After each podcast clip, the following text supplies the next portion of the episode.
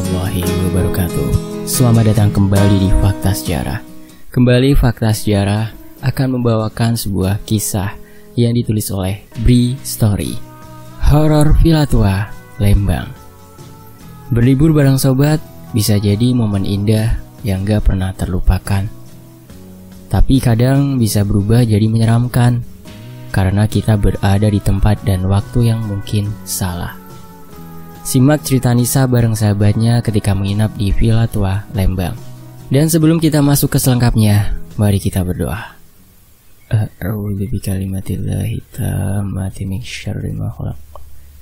Bismillahirrahmanirrahim. Allahumma sholli ala sayyidina Muhammad sallallahu alaihi wasallam. Ini dia selengkapnya.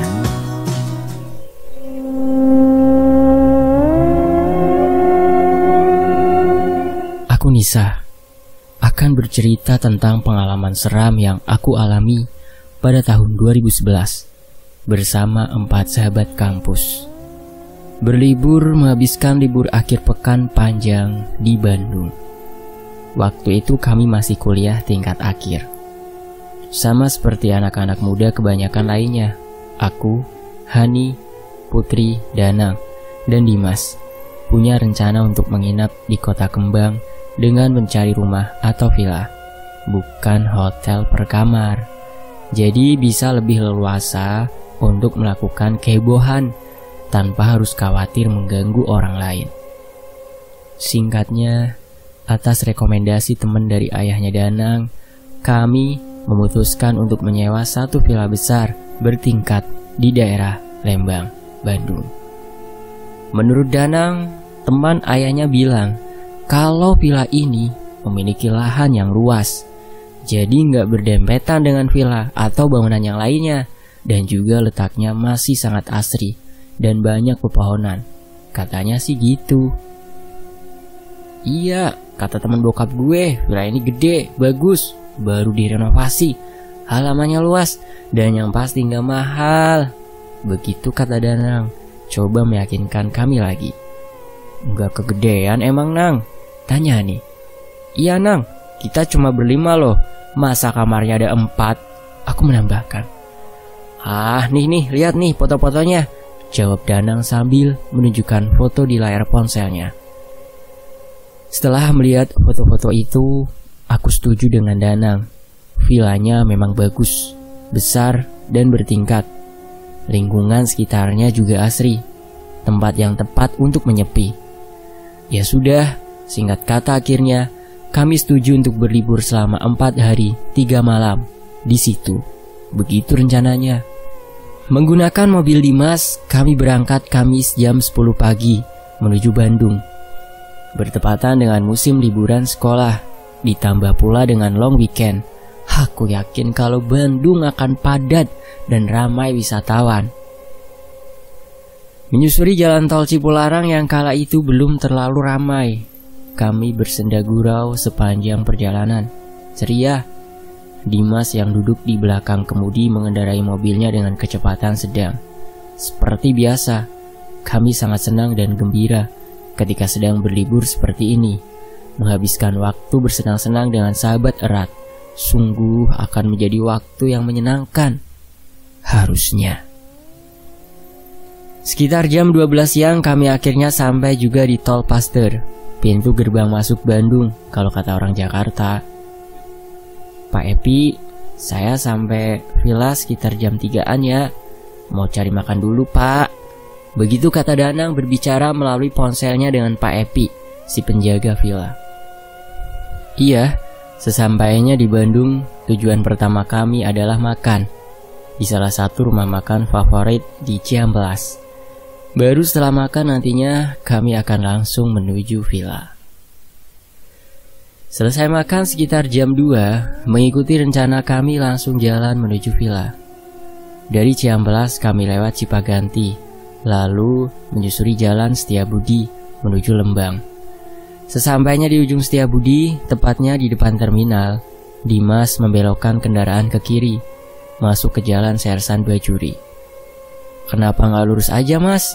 Tanya aku penasaran. Enakan lewat sini, nggak macet. Pemandangannya lebih asik. Begitu kata Dimas.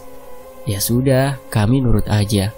Toh emang Dimas masih banyak keluarga yang tinggal di Bandung, jadi dia lebih tahu situasinya. Benar kata Dimas, Sersan Bajuri lebih lengang dan pemandangannya lebih enak dipandang mata. Warna-warni bunga menghias sisi jalan yang dilewati. Beberapa tempat wisata juga ada di daerah ini, walaupun lebih jauh dan berputar, tapi nggak apa. Mungkin karena sudah agak lelah setelah menempuh perjalanan dari Jakarta, saat itu kami lebih banyak diam, menikmati sejuknya udara dan pemandangan. Di ujung jalan, di atas nanti, Jalan yang kami lalui ini akhirnya akan bertemu juga dengan jalan raya Lembang. Nah, menurut Danang, lokasi vilanya nggak jauh dari pertigaan jalan raya Lembang ini, sekitar 15 menit sebelumnya. Kalau dari petunjuk jalan yang dikasih tahu Pak Epi, di depan itu kita belok kanan mas. Danang bilang begitu ke Dimas. Yakin ya? Yakin, jawab Danang. Hah, akhirnya sebentar lagi sampai. Aku udah gak tahan pengen rebahan. Capek juga duduk dari tadi. Dari belokan yang Dimas maksud tadi, kami memasuki jalan mengecil, namun masih bagus untuk dilewati. Jendela kami buka lebar-lebar, membiarkan angin yang sejuk masuk dan terhirup. Asik banget ya suasananya. Putri yang dari awal lebih banyak diam, akhirnya bersuara. Langit yang juga sedang mendung semakin membuat syahdu, benar-benar menenangkan. Kira-kira 20 menit dari belokan tadi, akhirnya kami sampai. Nah, kayaknya nih nih, gerbang masuknya. Gue turun dulu ya. Begitu kata Danang. Ketika kami sampai di depan gerbang besi besar dan tinggi, lalu dia turun untuk membukanya. Dari gerbang masuk itu, yang kelihatan hanya pepohonan tinggi dan rindang. Belum ada bangunan villa sama sekali. Sepertinya baru saja turun hujan. Jalanan basah dan beberapa bagiannya ada genangan air. Jalan kecil hanya bisa dilalui satu mobil saja, dan lagi-lagi jalannya menanjak. Satu atau dua menit kemudian barulah terlihat ada bangunan. Harusnya sih itu vilanya, karena nggak ada bangunan lagi selain itu. Eh bentar-bentar, ternyata ada bangunan satu lagi di sebelah kanannya. Bentuknya lebih kecil dari bangunan utama. Yakin lu, ini vilanya nang? Tanya Hani. Ntar gua telepon Pak Epi dulu, jawab Danang. Kemudian Dimas memarkirkan kendaraan di depan villa besar itu. Lalu kami semua turun dari kendaraan. Sementara Danang coba menghubungi Pak Epi. Kami berjalan melihat-lihat keadaan sekitar villa. Benar kata Danang, villa ini bangunan lama, tapi kelihatan rapi dan bagus.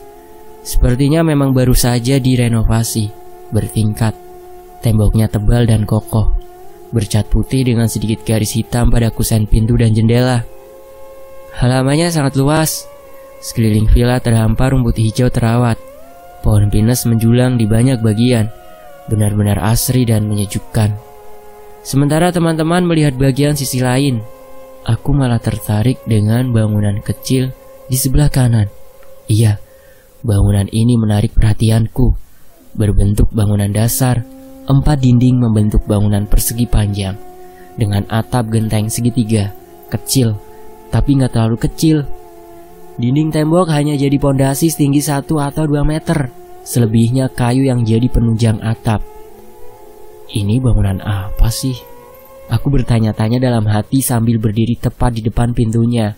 Pintu kayu yang besar dan sepertinya nggak terkunci karena agak sedikit terbuka. Aku semakin tertarik setelah beberapa saat kemudian mendengar suara. Sepertinya suara yang berasal dari dalam.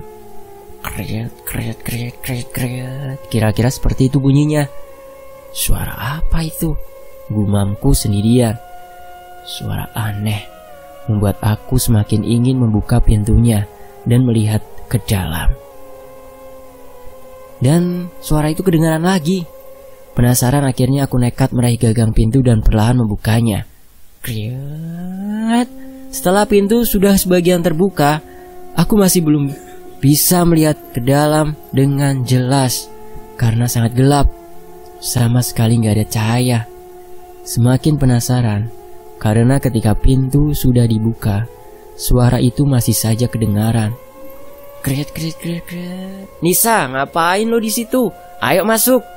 Teriakan Dimas dari depan villa mengagetkanku. Ya sudah, aku tutup lagi pintu bangunan kecil itu sebelum sempat melihat apa-apa di dalamnya. Pak, itu bangunan apa ya? Masih penasaran, aku akhirnya bertanya kepada Pak Epi yang ternyata sudah datang sejak tadi. Dia sedang berbincang dengan Danang. Oh, itu gudang, Neng.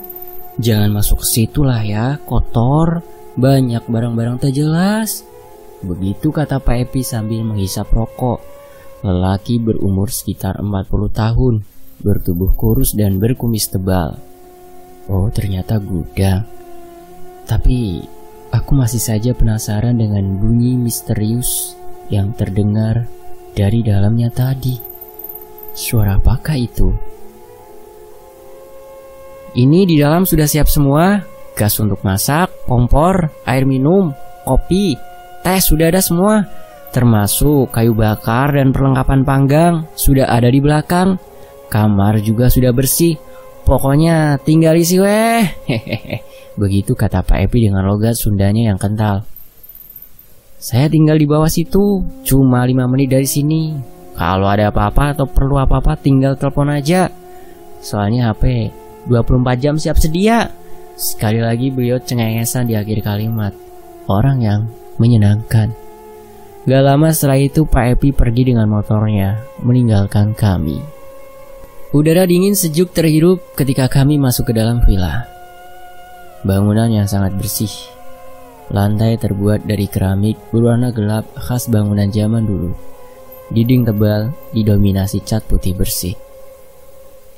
Kami langsung menemui ruang tengah dengan sofa kulit besar dan meja di tengahnya menghadap TV tabung besar di sisi berlawanan.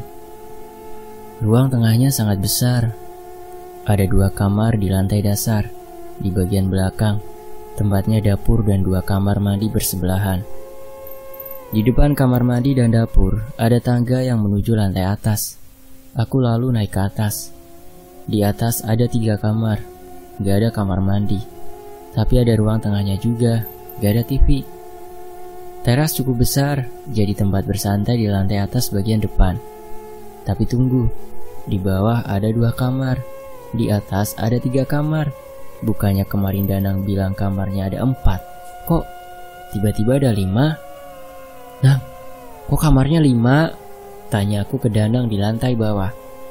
Iya barusan gue telepon Pak Epi Dia bilang kamar yang itu kuncinya rusak Jadi nggak bisa dibuka Katanya gudang juga dalamnya Jawab Danang sambil tangannya menuju ke kamar depan yang letaknya di sebelah kiri TV Oh gitu Kok gitu ya?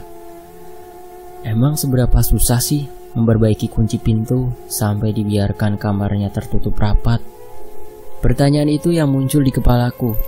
Tapi ya sudahlah, aku nggak memikirkannya lebih jauh.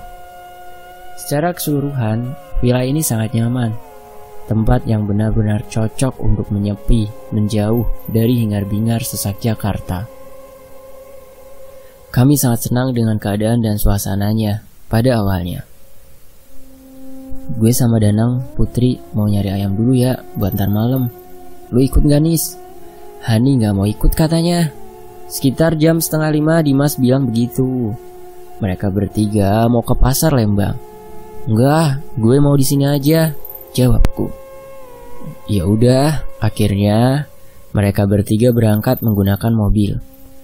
Tapi sebelum berangkat, Hani bilang kalau dia mau nebeng sampai ke toko yang letaknya gak jauh dari villa. Dia mau membeli minuman dan makanan kecil. Hani bilang juga dia akan kembali ke vilanya jalan kaki aja. Gak jauh juga katanya. Akhirnya aku sendirian di villa pada sore hari itu. Sendirian? Masa sih? Singkat cerita setelah keempat sahabatku pergi, aku bersantai di depan TV sambil menunggu Hani pulang. Harusnya sih Hani gak lama, karena kalau gak salah, toko yang dia tuju gak terlalu jauh jaraknya. Sekitar 20 menit kemudian, aku mendadak pingin buang air kecil. Kebiasaan di tempat dingin. aku akan sering buang air kecil. Begitulah. Ya sudah, aku lalu berjalan menuju kamar mandi yang letaknya di belakang. Seperti yang aku bilang di awal tadi, ada dua kamar mandi yang letaknya bersebelahan persis. Kamar mandi berpintu tebal, di dalamnya masih menggunakan bak air besar, walau sudah ada air mancur air panasnya. Aku masuk ke kamar mandi sebelah kanan, lalu melaksanakan niatku. Ternyata, setelah aku perhatikan, di dalam kamar mandi ada lubang kecil pada bagian atas dindingnya. Lubang ini sepertinya terhubung dengan kamar mandi sebelah. Jadi harusnya kalau ada aktivitas di kamar mandi sebelah akan kedengaran olehku. Benar saja. Tiba-tiba aku mendengar suara pintu terbuka, kemudian menutup dari sebelah. Sepertinya itu Hani. Aku yakin itu. Karena memang harusnya dia sudah kembali ke villa lagi. Han, langsung ke kamar mandi aja loh, kebelet ya? Tanyaku. Iya, Hani menjawab dari sebelah dengan logat Sunda. Logat Sunda? Hani kan orang Jawa. Sama sekali nggak bisa berlogat Sunda. Alah, baru beberapa jam di Bandung aja udah Sunda logat lohan. Lebay ah. Aku bilang begitu, masih di dalam kamar mandi. Iya. Hani menjawab pelan sambil cekikikan. Dasar Hani, begitu gumamku dalam hati. Setelah selesai, aku keluar dan bermaksud kembali ke ruang tengah. Tapi, ketika sedang di depan kamar mandi, aku melihat kalau pintu kamar mandi sebelah dalam keadaan terbuka dan dalamnya kosong. Hani ke mana? Kok nggak ketahuan keluarnya? Aku pikir juga mungkin Hani sudah masuk ke kamarnya di atas. Nggak pikir macem-macem, aku lalu menuju ruang tengah, kembali bersantai depan TV. Ketika sedang asyik-asyiknya bersantai, tiba-tiba Hani muncul dari pintu depan, membawa serta banyak belanjaan di kedua tangannya. Aduh, ternyata tokonya agak jauh ya. Capek juga gue jalan kaki, mana nanjak terus lagi. Begitu kalimat pertama yang muncul dari mulutnya, lalu dia merebahkan tubuhnya di sofa. Han, lu baru datang emang? Beneran baru datang? Tanyaku sangat penasaran. Lah iya, emang kenapa? Kok kaget? Melihat gue kayak ngelihat setan aja loh ah. Jawab Ani. Lu gak bercanda kan? Nggak lagi ngerjain gue kan? Tanyaku sekali lagi. Enggak Nisa, ini keringet gue masih bercucuran kayak habis hiking. Ada apa sih emangnya? Uh, enggak ada apa-apa kok. Jawabku pendek.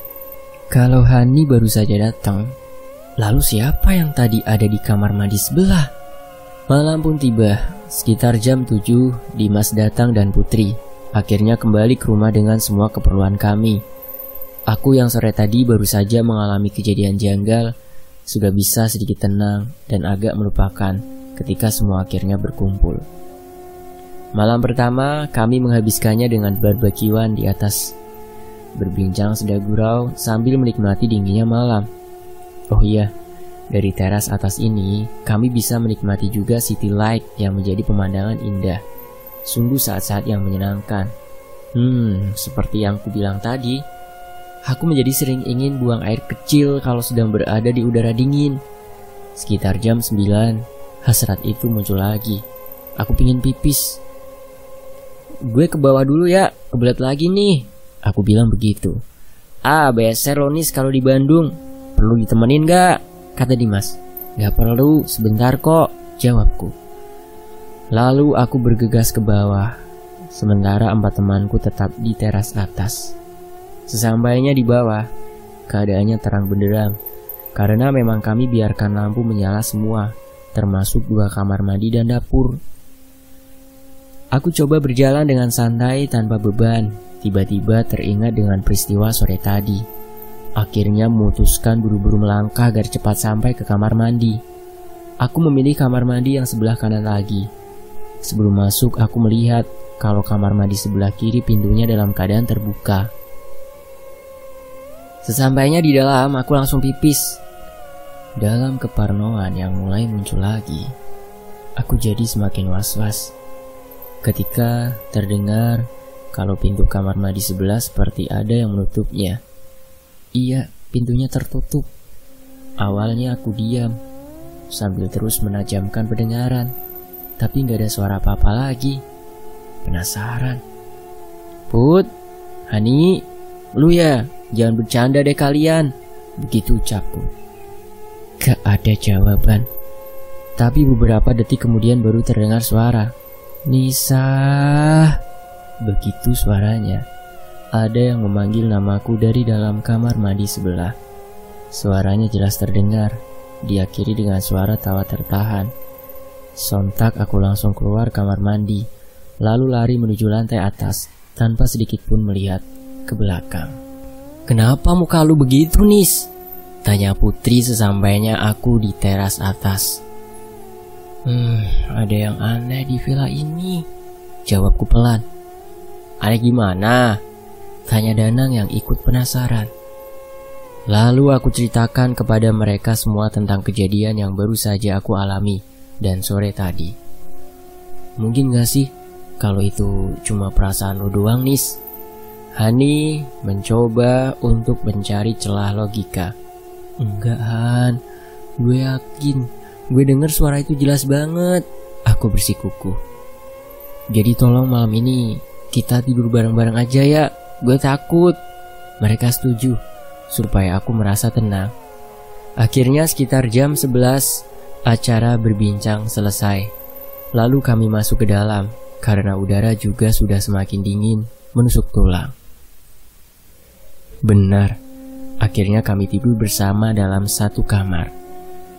Tetapi ketika pertama kali masuk kamar, hanya aku, Putri, dan Hani, sementara Dimas dan Danang masih ingin menonton TV di bawah. Mungkin karena sudah lelahnya badan ini, aku jadi nggak kesulitan untuk tidur.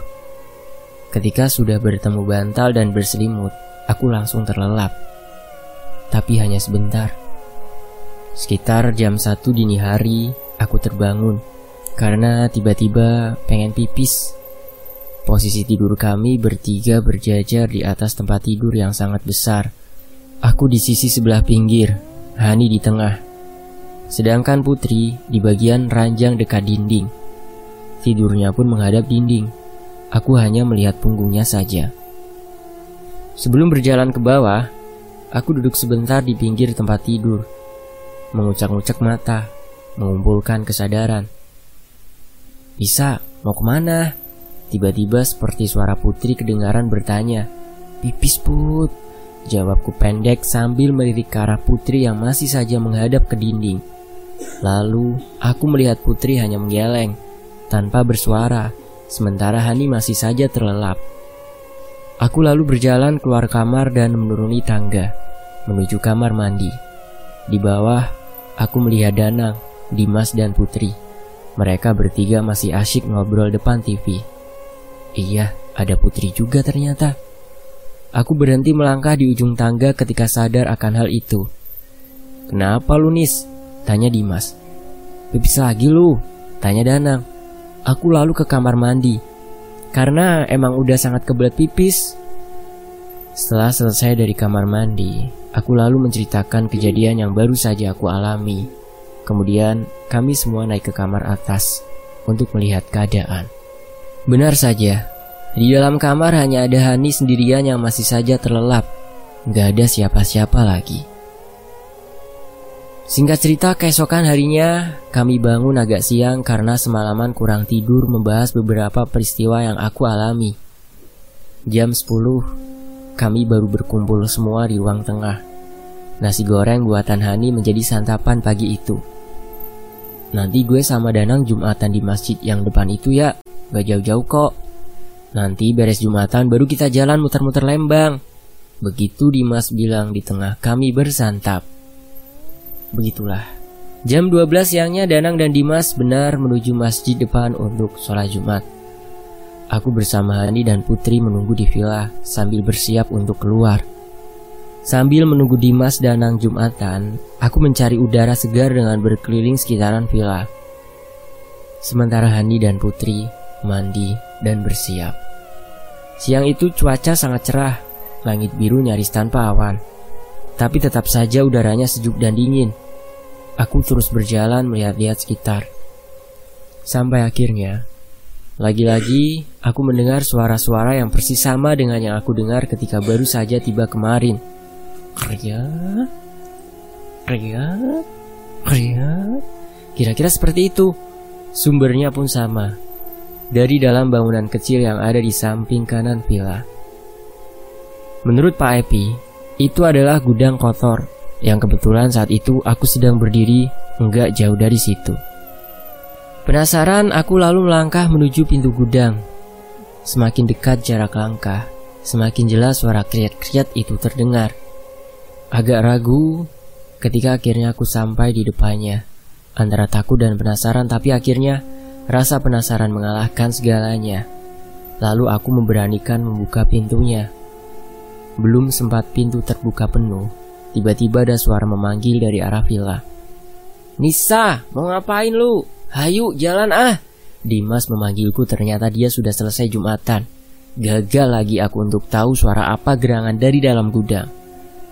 Setelah itu, kami langsung keluar villa untuk berjalan-jalan keliling Lembang. Singkat cerita, sekitar jam 10 malam, kami sudah sampai lagi di villa setelah selesai jalan-jalan. Beda dengan malam kemarin yang cuacanya cerah.